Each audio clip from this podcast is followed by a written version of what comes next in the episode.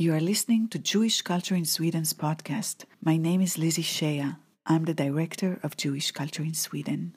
This is the first program in the series J Talks that Jewish Culture in Sweden co arranges with the House of Culture in Stockholm. And we're excited to open this series with world renowned intellectual, writer, philosopher, and activist, one of the great moral voices of our time, Bernard Henri Lévy. Bernard-Henri Lévy was Jewish Culture in Sweden's guest in 2015, only weeks after the terror assassinations at Charlie Hebdo and Hyper Cacher. Back then, he gave a fantastic, thought provoking talk titled Jews After Charlie.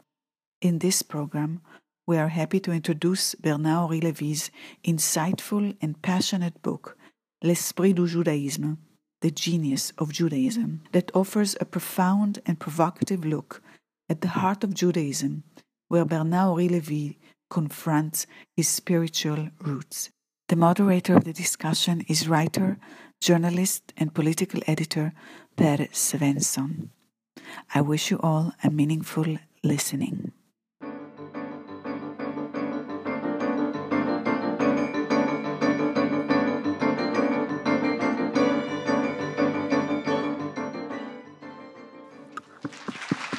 As Lisa said, we're going to speak about your new book, L'Esprit de Judaïsme, The Genius of Judaism.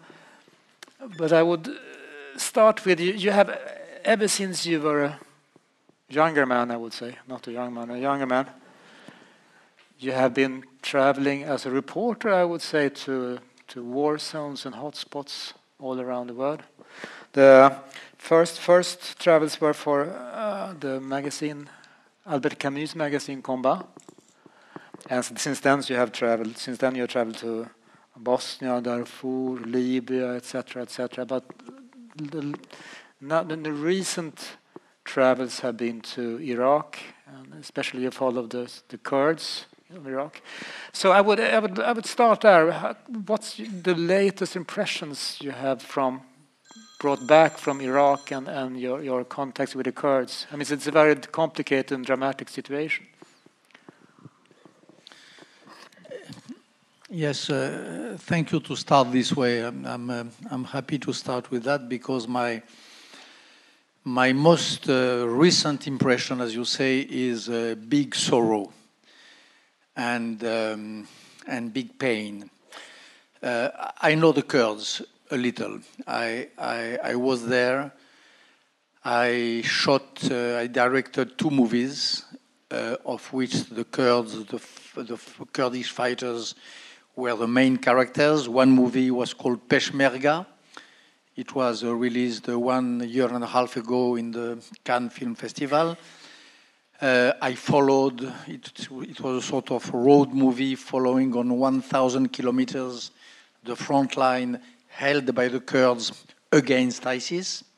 And then I made a second movie, which was the epilogue called The Battle of Mosul. And um, in these two movies, I did bear testimony for two things.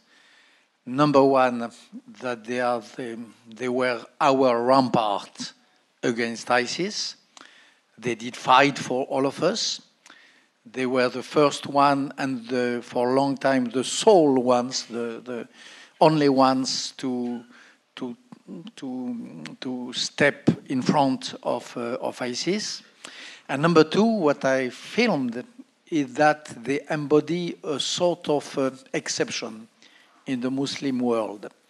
Uh, if there is an embodiment somewhere of what all Muslims dream of which is an Islam matching with democracy, which is an Islam matching with human rights, which is an Islam embracing the principle of equality of between men and women, it is in Kurdistan. They embody that, not perfectly, but more or less. They are, I, I show that in these two movies, they are welcoming to the minorities, to the other faith, uh, to Judaism, to Christians, and so on. And a few days ago, a few weeks ago, they held a referendum. I was there again at their side. I was one of the international observers of this um, referendum. Um, it was a, a, fair vote, a sort of exemplary vote. Uh, it was not a declaration of independence, it was a sort of um, exercise of a constitutional right, which is to, to consult the Kurdish people about their wish on long term. It was supposed to be just a prologue to a dialogue with Iraq, and Iraq replied to that by a collective punishment, by a blockade of the country of Kurdistan. I went, I stepped out of Kurdistan the last day of freedom of the country. I took the last flight out of the of, of Kurdistan. Since then, which is since three weeks, the country is completely like a jail, a jail in open air. Uh, and the West, and especially America, did not react, did not reply, and even probably America gave a sort of green light to Iraqi army, not only first, first of all to punish, blockade, all sort of, um, of sanctions, and to intervene militarily. The Brotherhood in Weapons, which has uh, lasted since two years against ISIS, of which the Kurds were the vanguards, have turned into a fight uh, in between the allies of yesterday of the Iraqis against the Kurds. A very unfair war because the Iraqi army has very heavy weaponry I filmed all of that, so I know it firsthand. They have American weaponry, they have uh, Abrams one ta uh, tanks, um, they have um, very heavy things. The Kurds have nearly nothing. And um, this situation lasts since uh, now one week. Uh, a few countries, including my country, expressed uh, strong concern but the main ally of the Kurds, who is the United States of America, uh, did not express, decided uh, not to take side. This is what the President of America said. I don't, as he, as he said in Charlottesville, by the way, I don't take side. Uh, and uh, we have today the shameful, pitiful, and so sad image of the best ally of the West being besieged, attacked, harmed by a coalition, by a gang of four, a new gang of four. There was a gang of four at the time of the Chinese Revolution. Now you have a new gang of four composed by uh, Iraq, Turkey, Syria, and Iran. Four countries who are, of course, partners, but who are not our best allies, who are not the best democracies in the world, who was not the best democracies in the area. So this Gang of Four is besieging and attacking the only, one of the only democracies in the area with the tacit consent of the international community and of America.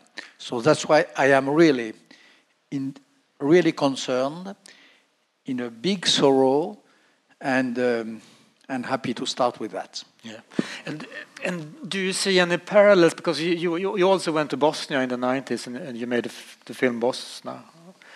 Do you see any parallels between this, the betrayal of the, the West betrayal of the Bosniaks, the, the Muslims in Bosnia, and, and what's happening to the Kurds? Could you see any similarities? there is similarities, of course. One of the similarities is what I said about this uh, conception, this uh, embodiment of an enlightened Islam.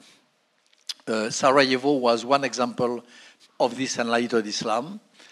Um, it was the proof that an enlightened Islam was possible that the thesis of Samuel Huntington was false, uh, that uh, you could be a Muslim country and embrace the democratic values, exactly as the Kurds. And the similarity is that we, the West, did drop them flat, the Bosnian, as we do with the Kurds. What is different today, and which in a way is probably worse, is that when you analyze the whole story since a few months or a few weeks, there is a, you can have the feeling that the, most of the countries and of the democracies not only consented to the, to the attack, to the beginning of bloodbath, but that they gave the green light. In Bosnia, we did not give the green light. We were shy, we were coward. It took uh, us four years to intervene. I know that. I was in Sarajevo. I made a previous movie, as you say so gently, called Bosna, so I know the story. But at least um, the whole thing, the whole uh, nasty and terrible thing, happened out of our uh, concern and, uh and consent.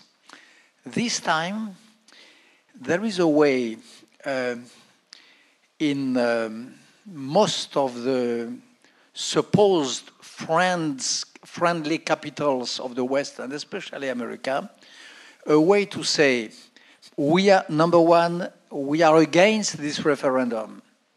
A way to say, if you insist to do this referendum, the consequences will be terrible. And number three, when the consequences arrive, to say, we just told it to you. You have what you deserve. You are punished by where you, you, you, you faltered and you sinned, which is uh, really a, self, a sort of self fulfilling prophecy by the West, which was not so, so crude and so evident in the Bosnian affair. So, yes, I'm really, I think that this Sarajevo was a shame, Darfur was a shame, uh, but what happened today is probably the, the summit of the shame. Uh, four days ago, I, I, I received some um, some information which which are public, which I published, and uh, maybe it was translated here. Uh, the the Iraqis uh, did attack the brave, valiant Kurds with weapons furnished, uh, provided by America, sold by America, uh, in order to fight ISIS. So the same weapons which were provided in order to fight ISIS have been turned against the best fighter against ISIS ever, which were the Kurds. Because this is uh, really the point. Again, in, in, and I saw that uh, on the ground. In 2014, when the Iraqi army um, did uh, escape in front of ISIS, when uh, the whole world was mesmerized by the rise of ISIS, uh, when the blast was so strong that nobody knew how to react, the only ones to build a physical rampart of earth and of flesh of their body were the, were the Kurds um, the Iraqi army abandoned their weapons, uh, uh, left the ground, and they were the only one to stand. And during one year and a half, they, they not only resisted, but they, they fight. So they, they probably avoided us, all of us, the world, uh, the Muslim world, uh, Europe, uh, the West, the non West, many terrorist attacks they, they certainly uh, did harm uh, for all this time the brain of the terror network. And the way we express our gratitude today is by leaving them in this terrible, heartbreaking loneliness, which is their fate today. And for me, uh, this is uh, really um, unbearable all your act activities, you have been traveling to these places and, and, and, and um, engaged yourself in these conflicts for long, long time. Is there a connection between these activities and and uh, and your book, or rather, the, the theme of your book, L'Esprit de Judaïsme, the genius of Judaism? Have you connection between your your political activities and uh, and uh, your definition of, of Judaism? Uh, thanks God, a man, even if contradictory, even if um, complex, is nevertheless a sort of a block. So, um, of course, there is a, um, a, a correspondence, a matching between uh, what I do and what I say, between my my no no my creeds and my deeds, yeah. uh, for sure. Uh, I try, but I don't even try. It, it happens like this. And, um, and it is true that um, this uh, cohesion between my deeds and my creeds, which was, uh, which was lived life uh, every day, but which was probably not, of which I did not make the theory between that, maybe the theory of it is, is here. Yes, I think so.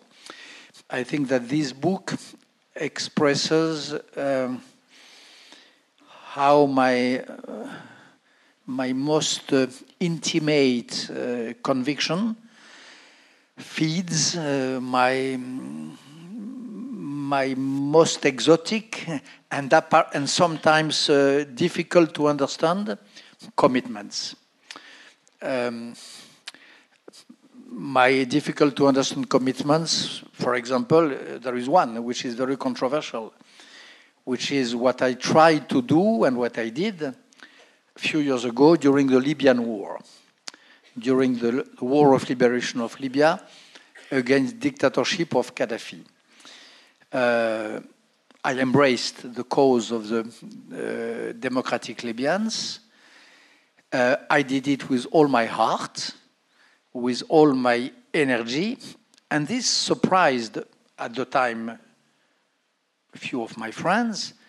And today, uh, there is a controversy about it. Uh, in this book, I explained, in a way, why I did it and why it did not come from uh, just, uh, it was not a step aside, it was not just uh, a commitment to human rights, which is already a lot. Of course, commitment to human rights is a huge reason to do things. But in this book, I explain how it comes probably from a, a more hot metaphysical uh, center of myself and of a few of my contemporaries.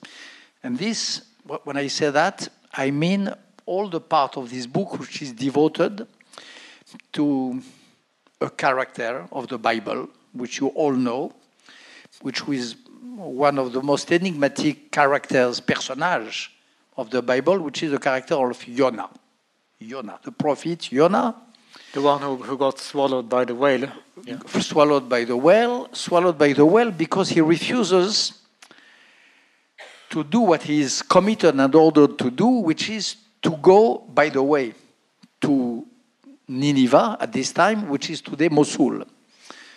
Uh, is a, a Jewish guy called a prophet now, who was asked by God, let's say, to go to the grand city. The grand city. The grand city is the city of sin, the city of incarnated evil, uh, the city which he knows by intimate knowledge, sure knowledge, that it, it is and it will be the enemy of his own people. And what is asked to him is to go to the great city and to try to help her to save itself.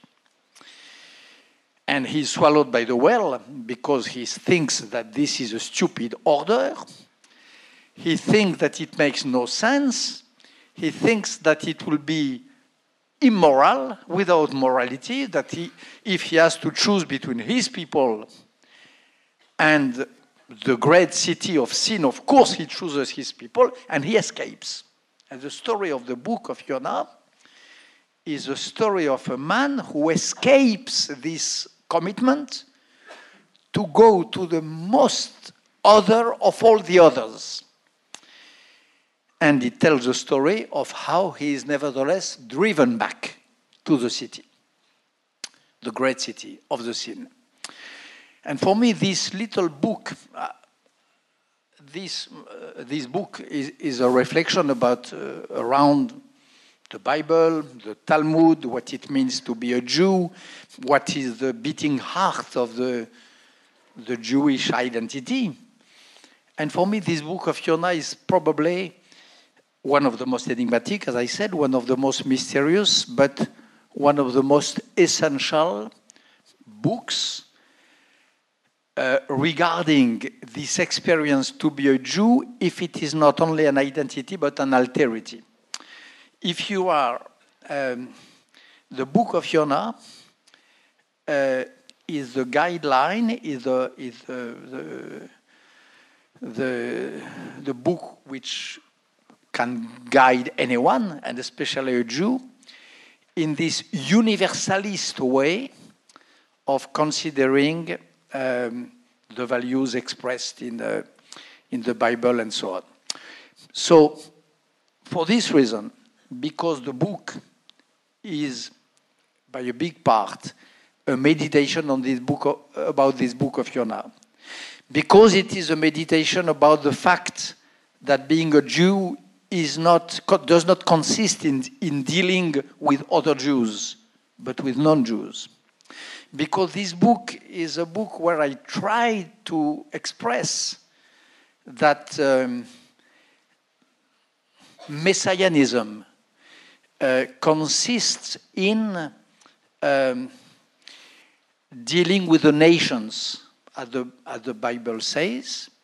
Because of that, I think that for myself, it is probably one of the keys, if not the key, of what I did in Libya, for example, but of what I did when I was a very young man, uh, even younger than now, in Bangladesh in the early 70s, and um, and other experience of this sort. Yes. Because in, in Libya, as Jonah, he has he has to, to, to talk to his enemies and, and actually save them. And I, I know that in Libya, you, you had a long conversation with the most radical Islamists, the ones that you know would hate you because your Jewish origin, and would actually.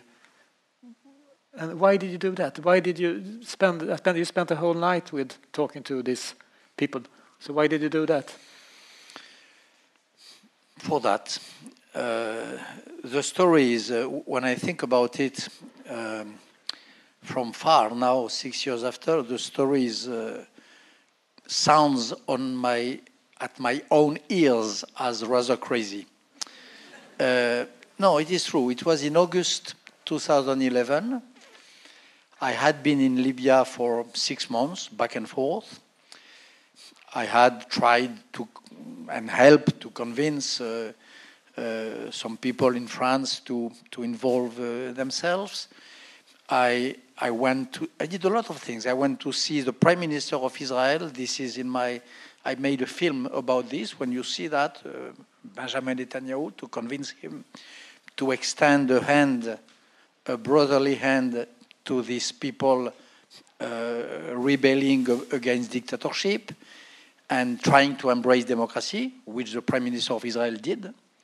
He, he released a, a good communique. I don't say always good of uh, the Prime Minister of Israel, but this time he did it. Uh, he, he addressed a sort of uh, welcoming in the clubs, in the club of the Friends of Liberty to, the, to his uh, Arab neighbors of Libya I did a lot of things. I was on the, on the ground. I filmed the fighters. I filmed the, the Democrats. I filmed the women revolting against, and so on. And at the end of the process, in August, at uh, after just before the, the final liberation of Tripoli, one of my friends, uh, with whom I had been on the, on the battlefield of uh, Ajdabiya, told me, You saw everyone, you saw Democrats, less Democrats, you saw Muslim, you saw non believers, and so There is one sort of people whom you did not see. I said, Which one? He told me, the revolutionaries. I said, what do you say? I see a revolution. Six months, uh, since six months, I only see. No, no, no. He said, revolutionaries is very special. It is the blah, blah, blah.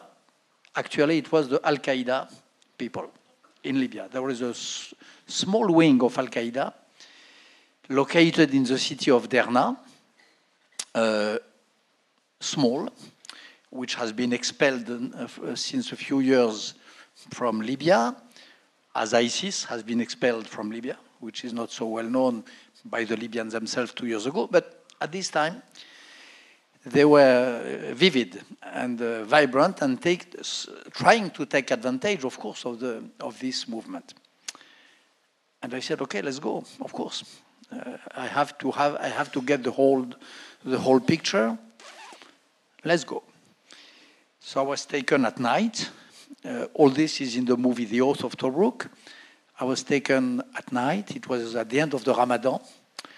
Uh, they blinded my eyes for uh, the last hour of the, the last half an hour of the travel to a remote farm.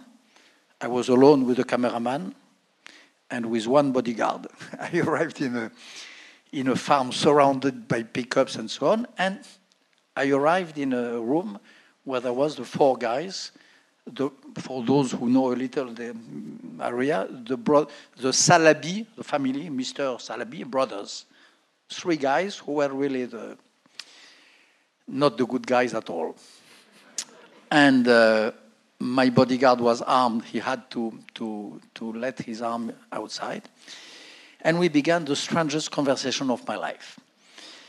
Uh, I began to say, my first question was, Do you know I'm Jewish? they, they burst of laughing. I said, why do you laugh? They said, of course we know. It is, you are every day on the, they say it every day on the Gaddafi TV, that you are a, a Jew, that you are a Zionist agent. Uh, your head, there is even a price on your head. There was at this time $5.8 million on my head uh, uh, in, uh, in, this uh, July uh, 2011. So we know that, of course. Next question. He said, okay. and then we began a very strange conversation about anti Semitism, about women. I asked them, I remember this is in the film and in the book, if they were, if it was possible for them, conceivable to, to have, um, to marry a Jewish girl. And they made an aparté. They made a, a sort of uh, interruption of, uh, of meeting to, to concert themselves. and they say, yes, it's possible if she is not the first one, if she is the third one. Okay, this sort of conversation. But also a more deeper conversation about um, the Islam and Islamism, about uh, the West and the Arabic world, and so on and so on. It, it lasted all night. And when I went back to Benghazi at dawn, I wondered why did I take this, uh, this risk? And I, I did it for three reasons. Probably to have the whole picture, but I'm, I'm not a journalist. At the end of the day, I don't care so much about the whole picture. Uh, number two, because for two reasons, let's say. Number two, because I thought that it was important, that it made sense for, for me, for who I am, for the writer I am, for the French I am, and for the Jew I am, to go close to not only to the to the other, other this no to the to the to the to the enemy. And not for curiosity, not for exotism, not, and not, on, not even to convince him. But I knew, and this is what happened, I knew that in the fight, in, in, the, in, the, in the movement of this conversation, something will happen. Not in me, but in them. And it happened. They started the conversation with the belief, they were convinced of that, that I was a devil, agent of Israel, involved in Libya for obscure plot conspiracy reasons. They ended the night with a sort of uh, uh, disorder in their radar, in their, in their vision of the world. Some, suddenly, all of, all of this were shaken.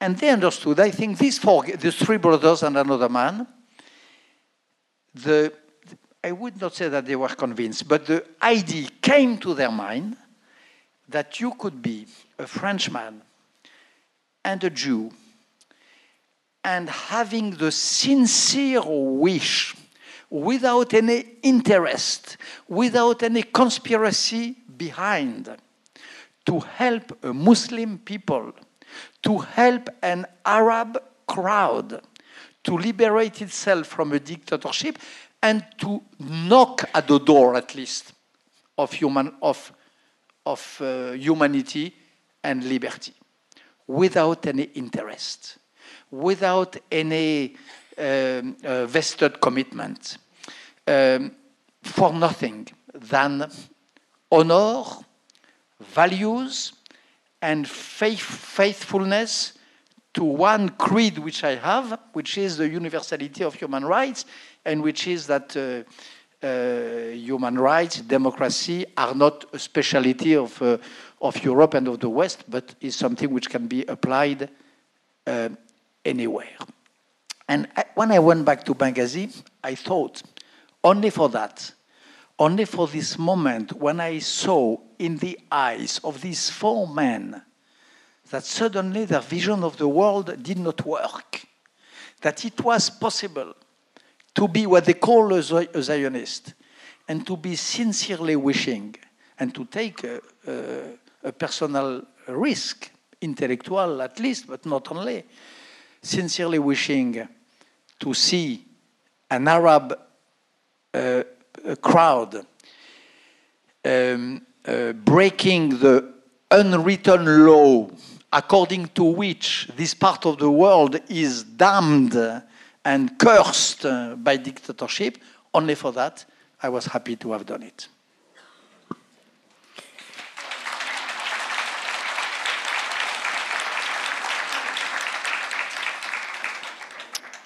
On, on I think it's page uh, 413 on this book, you, you're stating l'esprit de judaïsme, c'est le livre, le livre.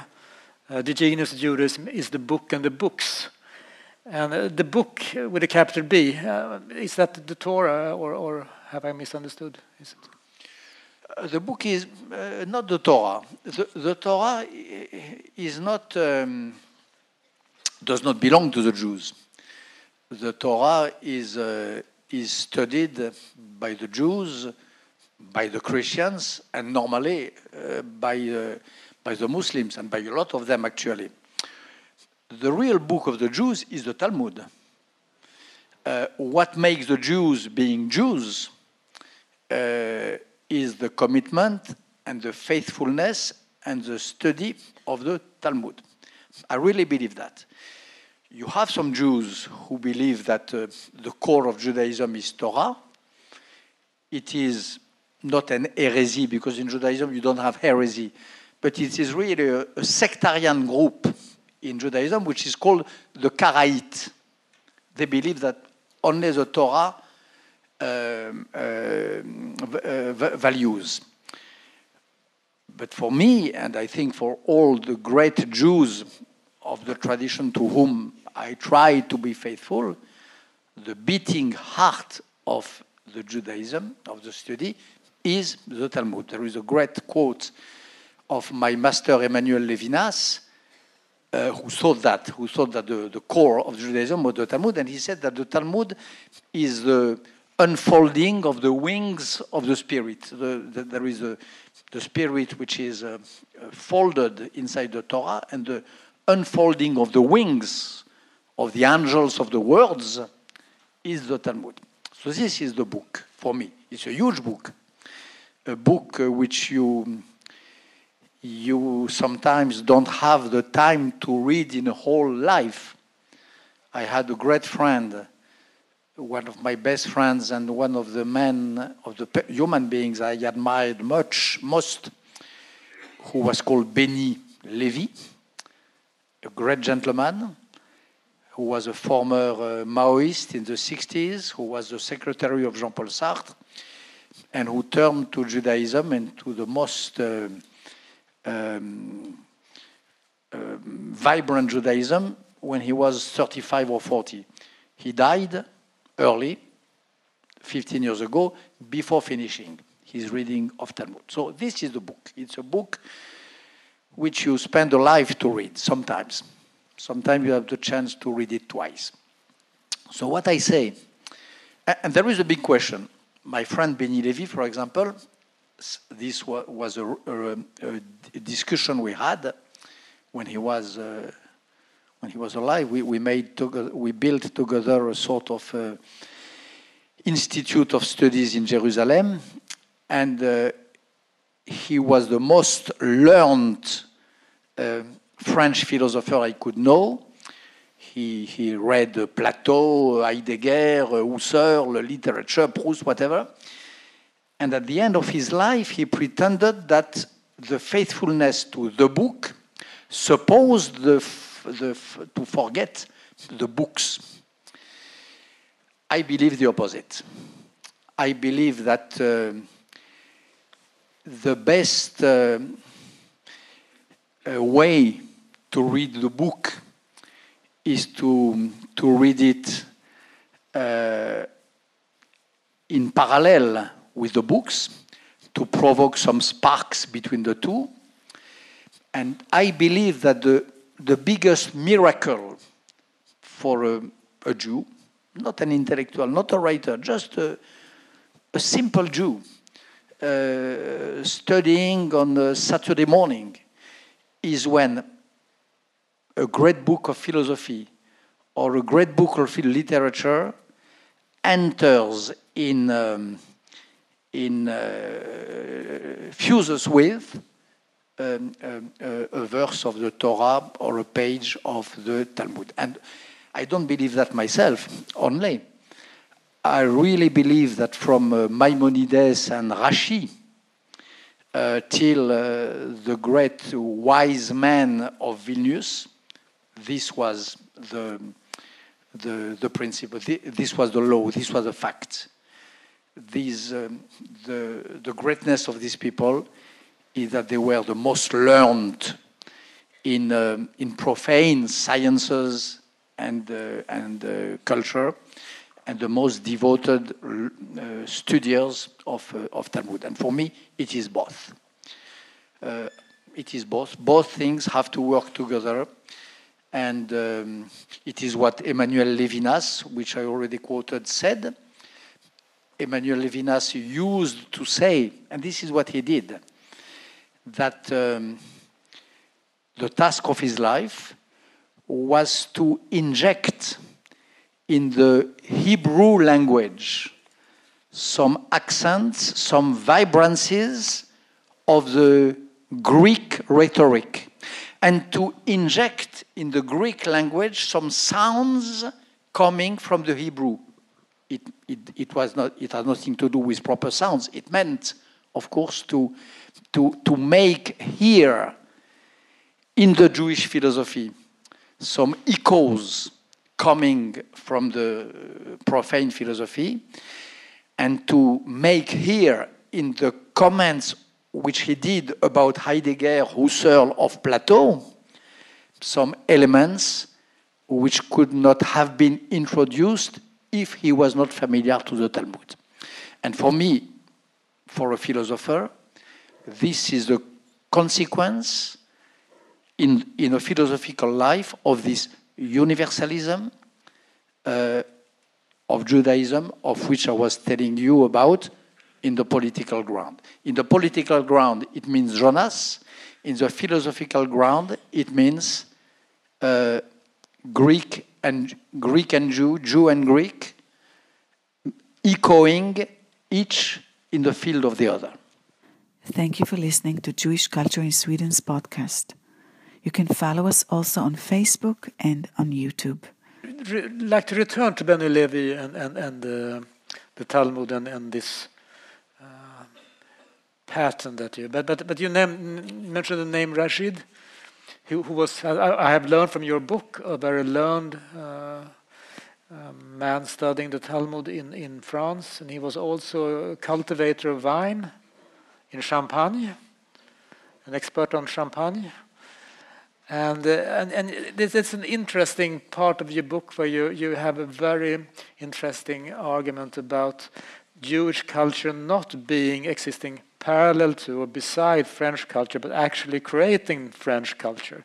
And this man Rashi, he, you, you can describe that he was, according to you, one of the inventors of the modern French language Absolutely. because of his uh, commentary of the Talmud. That's a very interesting and a rather new angle, I think, isn't it? Yes, yes. Uh, it's a it's a little chapter of the book uh, devoted to France, where I where, where I try to say uh, because there, there is a in this time the, there was a, the prime minister of France, uh, who is named Manuel Valls, said one quote after uh, I think, of which Lizzie was telling. He said France without Jews would not be France. He said that. In support to Jews, he had this great quote, great sentence. Uh, France without Jews would not be France. So I, I wondered, but what does he mean at the end of the day? And I tried to, the book was nearly finished. I, this was already the book, but it helped me to, to, to emphasize it. I, I, I tried to, to see exactly what France owes to this Jewish component of itself. And uh, Jewish thinking, uh, Jews in France are among the big builders, developers, as you say in, uh, in Detroit, developers of French identity. And one of the things which, which Jews developed is the French language through Rashi. Rashi is the greatest Talmudist uh, of all uh, countries, a master of Talmud. Talmud, uh, one page is uh, Rashi, as you know. But he was also the first one writing in Hebrew characters the, the sound of the, of the words of the French of his time, of the beginning of the modern period. Before any novel, before Roman de la Rose, the first uh, memory, the memorial uh, in which are embedded and in which begin to work and to functionate the first words of the French language are these undecipherable uh, pages of Rashi, who talk, as any great Jewish text, who talk these, these pages about uh, sacred things, about the, the sky, the angels, uh, God, whatever, but who talk about very practical things agriculture, wine, a divorce, uh, a quarrel between neighbors, and so on. This is Talmud. Talmud deals with the highest requirement of the spirit and with the most pragmatic and practical uh, acts of the daily life. And at the time where the Christian monks uh, wrote also in a strange language, which was the Latin, but they, they wrote about immortality of the soul, they wrote about uh, the link between the body and the, and, and, the soul. they wrote about the proofs of the existence of God, and what they did not write about wine, about uh, uh, careers, about housing, about uh, developing of a village. Rashi was the only one. The Jews were the only one, and the only one who wrote and who wrote a text which remained for centuries and centuries is Rashi. So you have the, the, the few thousands of the glossary of this first French language, beginning its, uh, its uh, mechanism is engraved, it's memorial, memorialized, is archived in the work of Rashi. If we still have the sound of the first French and the way in which it began to produce the modern French, it is due to Rashi. That's very fascinating. I returned to Benny Levy. As you said, he, he was a Maoist as a young man, and then he he uh, he, he uh, became this uh, learned in, in Talmud and so forth. And, and he was also a man who is said to have have uh, made Sartre realize that Sartre, that Sartre had been wrong. So Sartre changed his minds about certain things when he grew old maybe thanks to the influence of, of uh, Benny Levy. And I wonder, one could say, uh, reading this book, you get the impression that this reading and rereading of texts in Judaism is an, could work as an antidote against totalitarian thinking and totalitarian ideolo ideologies. Uh, so I, I, would ask you, you, you were, got, were known in the 70s as one of the new philosophers and you, you got famous for your, your criticism of Marxism, of totalitarian thinking. Do you think that your background, your family, your, your origin in, in, in a Jewish family or, or a Jewish tradition had something to do with the fact that you became a new philosopher, so to speak? That's a long and complicated question. But the answer is, the essence is, could Judaism work as an antidote against totalitarian ideologies? Not at this time, because at this time I was hardly Jew. I was Jew by, and I tell that in the book, that this is not uh, private, it is, uh, it is um, public in a way. Uh, till 30 years old, uh, I knew, I, I, belonged to this category of uh, European Jews. Uh, a lot of people were like me and still are like me. I knew I was a Jew. Uh, I was not ashamed of it at all, but I did not know anything else about what to be a Jew meant. Till the age of 30, I, I never opened uh, a Torah.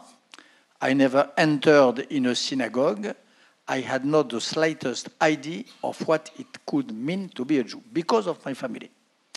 My father was a, was a, what is called in France a free French. He was a Gaullist, uh, follower of General de Gaulle. He was first of all a fighter in Spanish Civil War in 1938, at the end of the Spanish Civil War. He was a young communist involved in the international brigades.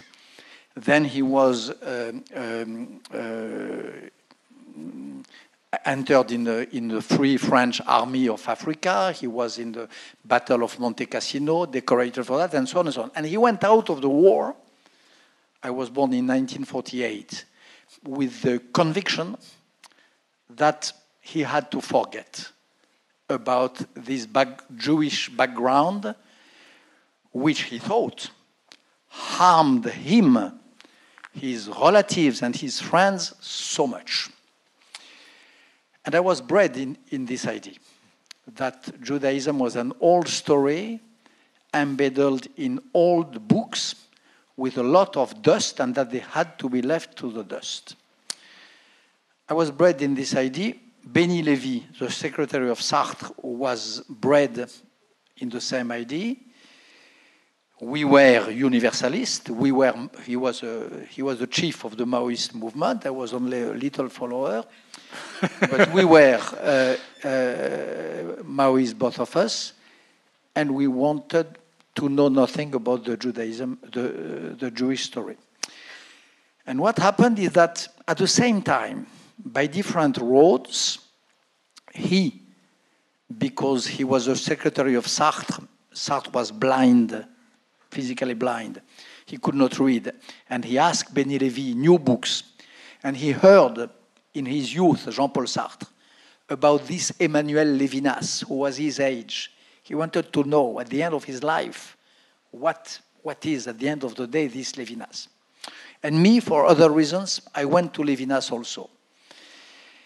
And in the same year, very strangely, this was 1978, 1979, uh, you had a, few Jewish uh, guys uh, like him and like me and like many others discovering number one that you could be a universalist. You can believe in uh, universal brotherhood in human rights in revolution at this time and being a jew and moreover that the best way uh, to believe in uh, universal values was probably to be a jew that there was not that to be a jew was not a way to overshadow this requirement of universality, but a way oppositely uh, to, to, to, to think it more thoroughly. So, uh, from my family, I, I, had a lot of things. I, I got a lot of lessons. And first of all, my commitment to, to anti fascism, my uh, intolerance to, to any smell of uh, ultra right and all of that. And, and I know by, by heritage, I know the, I recognize the smell from far. Uh, but the idea that you have in Judaism a way to universalism, uh, an antidote to, to intolerance, the, the idea that in the way of studying on and on, again and again, the same verse and paragraph, you have a way to turn back to fanaticism. This I had to discover by myself. And my, I remember how my father was, uh, my parents, they were uh, even shocked because this is the story of the, the European Jews. They really bred me in the idea that uh, I was a son of, uh, of Racine and Ibsen, you know, and certainly not. And when I came back home in the weekends with the idea that there was Racine, there was Ibsen, there was Corneille, but there was also Rashi, for them it was a disaster such a long way forward. The, the greatest schools of the Republic to go back to what appeared to them as a sort of uh, obscurantism, it took me, it took me some time to convince them that it was certainly not a way back to obscurant, uh, obscurantism, but it was a step forward in the fight against obscurantism. But this I had to to, to tell them to, to tell it to them. And now you have you have taken lessons in Hebrew, I, I guess, in, in, New York.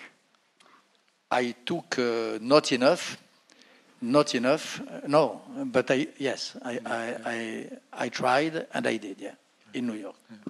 I have to have to to, to, and, to touch on anti-Semitism because you have a very long chapter on anti-Semitism in the beginning of the book where you describes in a very interesting way how anti-Semitism has a capacity of always finding new clothes when the old ones are worn out, so to speak. The Christian anti-Semitism replaced by the, the, the fantasies of the almighty plutocratic Jew, and, and after that uh, the, the biological ra racist anti-Semitism, and when that one is compromised for God, you have this the, the modern version, which you, according to you, is the obsessive obsession with Israel, so to speak. But you, you also said that in, that these old worn out forms of anti-Semitism won't come back, that, you, that there will not be another 30s.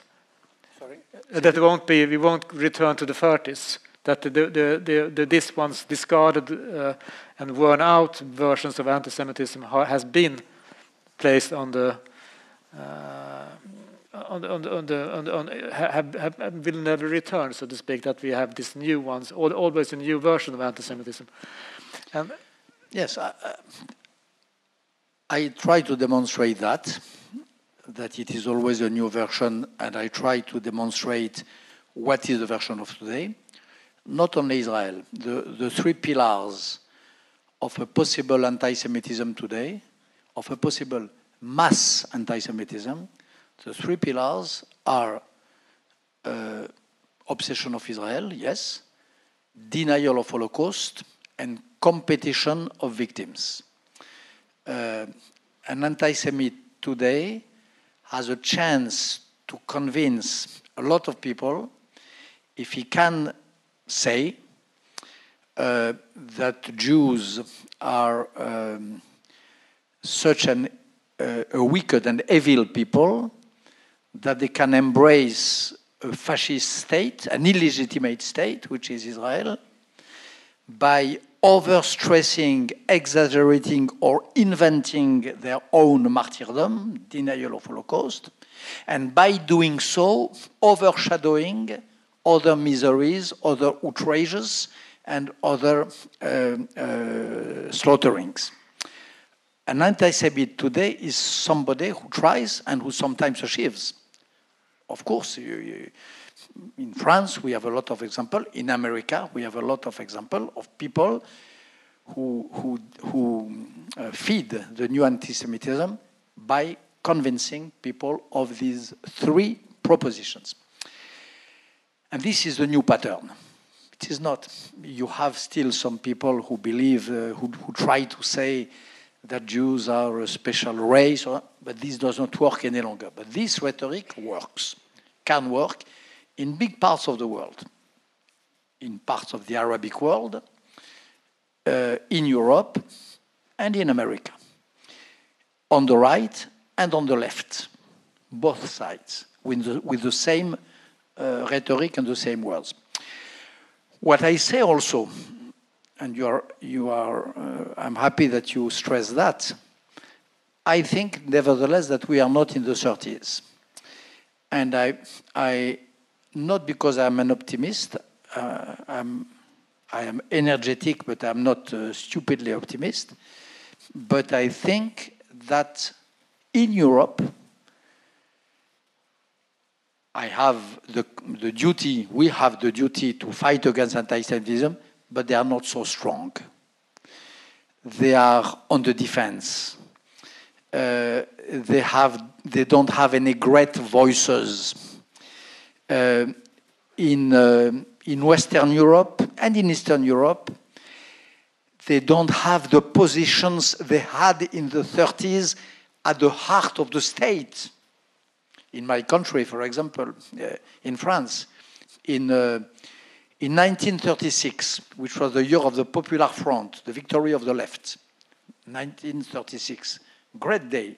The, great moment of progress. In the National Assembly, you had the vote for the president of the assembly, the, the man who, the moderator of the debate. Very important uh, seat, symbolically and politically. And you had two candidates in 1936. One was called Edouard Herriot. He finally won. He was a great uh, man, great politician, an artist of politics, I would say. And the other one was called Xavier Vallat. The name does not ring such a bell, I'm sure, but it will ring a bell when I say the following. Four years after, he will be appointed by the Nazi regime as commissaire for the Jewish affairs in Paris. So he was the most uh, enraged, infuriated anti Semite French of this time. But he was already that in 1936. He was the challenger of, of the, the wise artist of politics, Edouard Herriot. Edouard Herriot won, but he won for a short head. There was maybe 240 votes for Herriot. I don't have the figures in head now, but and maybe 160 for the anti-Semitic. So France was a country where, in the assembly of the Popular Front, you could have one third, let's say, of the assembly able to embrace and endorse anti-Semitic very strong position. This is unconceivable today. Unconceivable in France, unconceivable in most of the countries of Europe, even if we have very bad signs and omens, as we have since a few weeks in, in Germany, Hun for example. And Hungary? The campaign against Hungary, in Hungary? Hungary, uh, there is a, yes. But I believe, nevertheless, and I, I believe, I, I think I demonstrate that the, the fight is hard, that the vigilance uh, has to be at every moment, of course. In France, there, was, there is some uh, people who have been killed by anti even recently. A decent lady called Mrs. Halimi, who was killed because he, she was a Jew. But nevertheless, for a lot of reasons which I explained there, anti Semitism is not on the crest of the wave now in Europe, it is in a defensive position if we don't uh, put the weapons uh, down. Time flies when one has interesting conversations. But I, I, will ask a question, and you are, have the right to get angry with me because it's a question that would you could uh, spend the rest of the night answering it. And you, you, one of your children put it to you in the book, but I have to put it to you. uh, do you believe in God? I will, I will make you the reply which I made to my, to my child, my child. Uh, not, not, uh, not a child any longer. But the reply is that this is not the question. I really believe that um, uh, one thing which characterizes a Jew, what it means to be a Jew, is precisely that the question of God is not the primary question. Uh, in the book of Maimonides, for example, the, the, question, the word God, the question of God, and the question of the belief or not in God arrives, as I say in details, very late in the book of Maimonides. And what I think from all the, the, the, the masters, some believe, some don't believe, some believe uh, sometimes and not, is that what is required from a Jew is not to believe, but to study. Is not to have faith, but to try to understand the world. If you read Talmud, which is as I said before, the vibrant heart of Judaism. The question of God is not so present. Uh, you have pages and pages dealing with so many other questions, uh, matters, uh, concerns of mankind which have nothing to do with God. And when the question of God arrives, it arrives in interminable, unfinishable discussions, conversations, all the opposite of what you, you have in mind where you evoke this question of the belief or not belief in God. And what I believe deeply uh, is that uh, this is probably one of the main differences between Judaism and Christianism. Both have their greatness, both have their way of access to the beauty of the world, but they are different. And uh, everything is not in everything. You know, nothing is more stupid than the, the, the lazy ecumenism. To be a Jew and to be Christian, you may, you may be and you are today we are brothers since uh, Vatican II, uh, since uh, 60 years. There is a brotherhood which is new and which is one of the best news of the 20th century. But brothers does not mean the same. And one of the difference is that one of the of greatness of the, of the Christianity is this idea of the, the communion with the embracement of the bet on the existence of God. This jump. There is always a moment in a, in a great Christian mind, and especially in those which I know a little, who are the great writers of the Christian tradition, when they make the jump. The jump to, they, they, they cross the mystery, they go beyond the night of doubt and unbeliefness, and they decide to believe despite of this and that. This gesture, this attitude, is completely remote uh, from the Jewish spirit and way of conceiving the being of the world. This idea of, of a jump into belief, this idea of jumping in the emptiness, which is great, but which consists in making the economy of the, the uh, innumerable, innumerable steps and backwards and complexities and pockets of darkness. This is absolutely inconceivable for a Jew. And what you, what, what you see in the, in the labyrinth, labyrinth of the Talmud is this commitment to, to, to cross, to lose oneself, and sometimes to go out to light and to go back in the semi darkness of the letters, of the dead end sometimes, of the mystery of the study without any belief. And uh, most of the masters of Talmud say that to the worshippers. What I ask you is not to, to cross uh, all these steps to, to economize, but to, to go deep inside and to try to understand. And there is a great master of Judaism who was called the, the, the Gaon, the, the, the Gaon of Vilnius, one of the biggest spirits of the 19th century. Um, one of the most revered, revered, revered uh, rabbis, uh, rabbis, not just a rabbi, uh, the equivalent of uh, Rashi or Maimonides in modern times. And one time he was asked that. He was, a, he was a believer, but he was asked, Master, what do you prefer?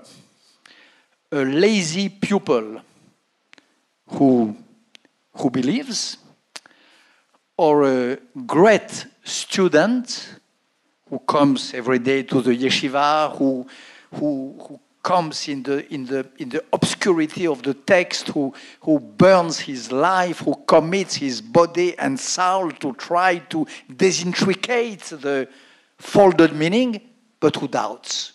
What do you prefer?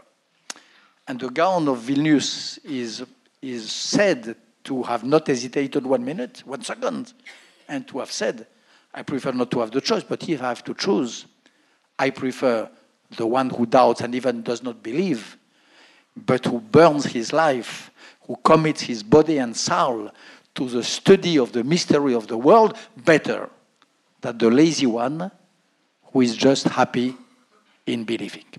And this, I think, is the real what, what makes special for the best or not the best of Judaism. Thank you very much. Thank you for listening to Jewish Culture in Sweden's podcast. You can follow us also on Facebook and on YouTube. The sound engineer for this podcast was Leonardo Villander, Art of Sound, KLMT. This is Lizzie Scheja, and I hope to see you on our next podcast and on our live programs.